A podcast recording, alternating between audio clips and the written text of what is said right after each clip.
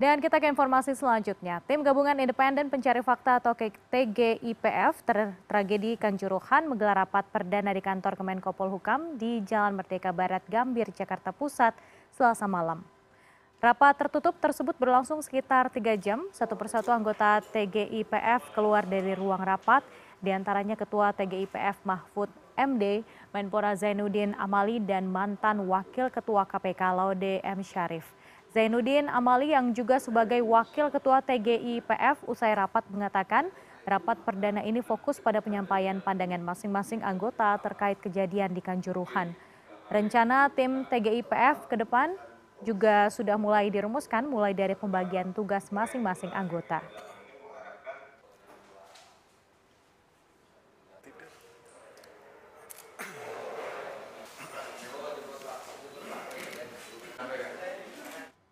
Dan saat ini sudah bergabung bersama kami melalui Zoom dengan peneliti budaya fans sepak bola Fajar Junaidi. Selamat pagi Pak Fajar.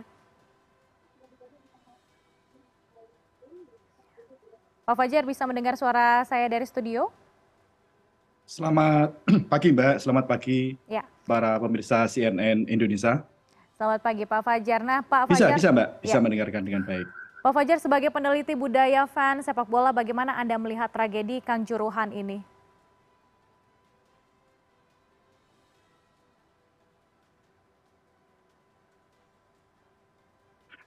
Yang pertama, tentu kita semua berduka dengan adanya tragedi di Kanjuruhan ini. Yang kedua, duka cita kita yang mendalam kepada semua korban dari tragedi yang sangat memilukan ini.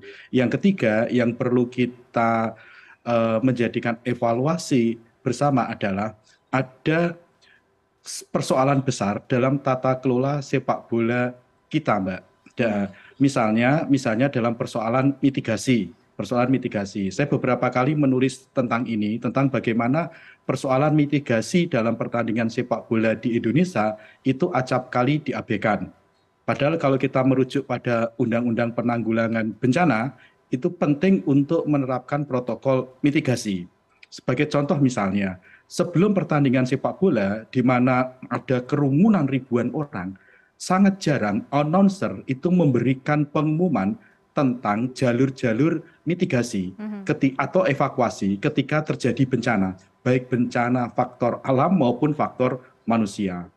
Nah, terus yang selanjutnya kita sulit menemukan eh, papan yang menunjukkan jalur-jalur evakuasi di stadion maupun papan titik kumpul. Maka yang paling penting menurut saya adalah perlu ada eh, apa ya assessment resiko atau risk uh, assessment terhadap semua stadion di Indonesia dan terhadap tata kelola pertandingan sepak bola di Indonesia. Begitu Mbak. Baik, itu mitigasi dari soal tata kelola bagaimana acara berlangsung dan juga terkait bagaimana uh, nanti panitia pelaksana itu harus memberitahukan kepada penonton jalur-jalur darurat begitu. Nah, kalau dari karakternya sendiri, Anda melihat karakter supporter sepak bola di Indonesia ini seperti apa, Pak Fajar?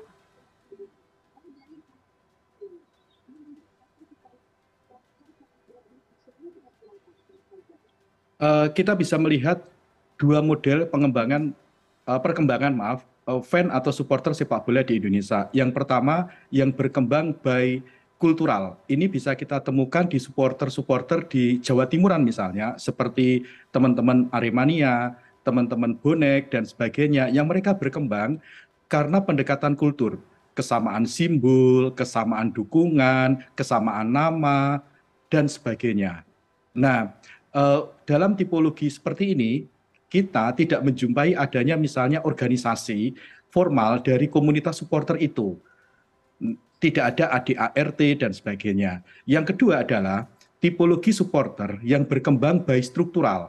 Tipologi ini bisa ditemuin pada komunitas supporter yang mengorganisasikan dirinya menjadi sebuah organisasi ditandai dengan mereka memiliki ADART, mereka memiliki struktur kepengurusan yang selalu akan berubah karena disusun ada aturannya di ADART-nya.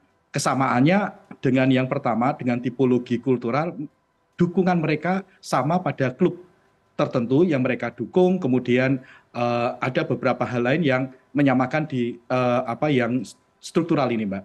gitu. Nah, yang menarik menurut saya adalah menarik menurut saya adalah jangan terus menjudgment bahwasanya supporter sepak bola di Indonesia itu identik dengan kekerasan. Itu artinya sebagai pelaku kekerasan gitu. Bahwa ada supporter yang melakukan itu iya, kita tidak memungkiri. Tapi ada pihak lain yang juga melakukan kekerasan itu kepada supporter. Jadi kita harus menempatkan semuanya secara cover both side. Menurut saya kata kuncinya adalah cover both side. Itu yang yang poin penting yang harus di catat gitu. Jadi jangan sampai kemudian ada stereotip terhadap supporter gitu. Ini yang menurut saya sering terjadi dalam pemberitaan di media-media di Indonesia selama ini. Ketika ada kekerasan, itu selalu yang distigmatisasi adalah supporter sepak bola. Padahal dalam beberapa kejadian, teman-teman supporter sepak bola ini secara bottom up, mereka berangkat dari akar rumput, mereka bisa melakukan hal-hal yang positif. Contoh misalnya mereka menjalin perdamaian. Dan itu dilakukan oleh supporter, bukan dilakukan dengan pendekatan top down dari pejabat kepada teman-teman supporter. Begitu Mbak. Oke, cover both side harus terus di depan dikedepankan begitu dan dalam wawancara dengan pelatih Arema beberapa waktu lalu di CNN Indonesia Connected begitu Pak Fajar, pelatih Arema ini mengatakan bahwa sebenarnya ada beberapa supporter turun ke lapangan untuk memberikan motivasi pada para pemain. Namun memang ada juga nih video viral yang saat ini memperlihatkan adanya oknum uh, supporter yang mengejar dan memukuli pemain Arema. Anda melihat ini seperti apa? Apakah ini sebenarnya uh, yang bisa diantisipasi sebelumnya oleh pihak aparat?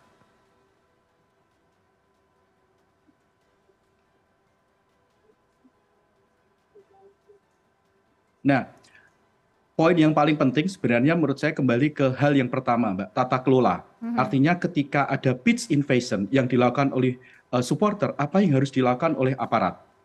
Penggunaan gas air mata misalnya, itu kan menambah kepanikan. Belum lagi buruknya koordinasi ketika ada pintu yang ditutup. Nah, ini yang sering saya sebut sebagai hal aspek penting dalam pengelolaan tata kelola pertandingan sepak bola maupun acara yang melibatkan ribuan orang itu adalah faktor mitigasi. Yang parah misalnya Mbak, kita bisa melihat pertandingan itu dilakukan malam hari, padahal pertandingannya itu tensinya tinggi, pertandingan big match. Hmm. Kita harus perhatikan misalnya, di sekitar stadion di Indonesia itu umumnya yang terang itu adalah bagian dalam stadion. Sedangkan bagian luar stadion itu acap kali tidak terang, artinya lampunya kurang entah dengan faktor apa pun itu perlu diinvestigasi lebih lanjut. Tapi faktanya terjadinya seperti itu. Kegelapan ini kan memungkinkan munculnya titik-titik uh, blind spot yang menjadi susah ditangani ketika terjadi disaster.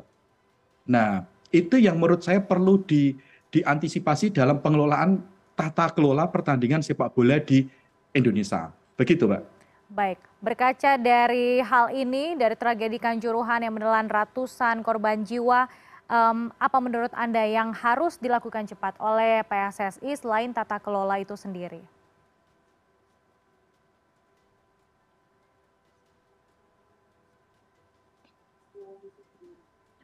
Menurut saya persoalan ini harus diambil alih sepenuhnya oleh tim independen yang telah dibentuk oleh pemerintah dan tim independen harus melakukan investigasi terhadap PSSI bukan PSSI melakukan investigasi.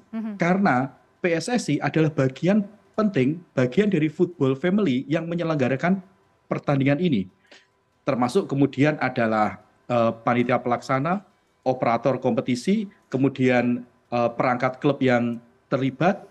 Nah, ini yang perlu di, di terus adanya uh, misalnya oknum yang melakukan penyerangan, toh rekaman videonya kan banyak. Nah, kita tim independen ini perlu kita apresiasi, termasuk menginvestigasi uh, keterlibatan uh, aparat dalam penembakan gas air mata yang kemudian menyebabkan kepanikan massal ini, Mbak.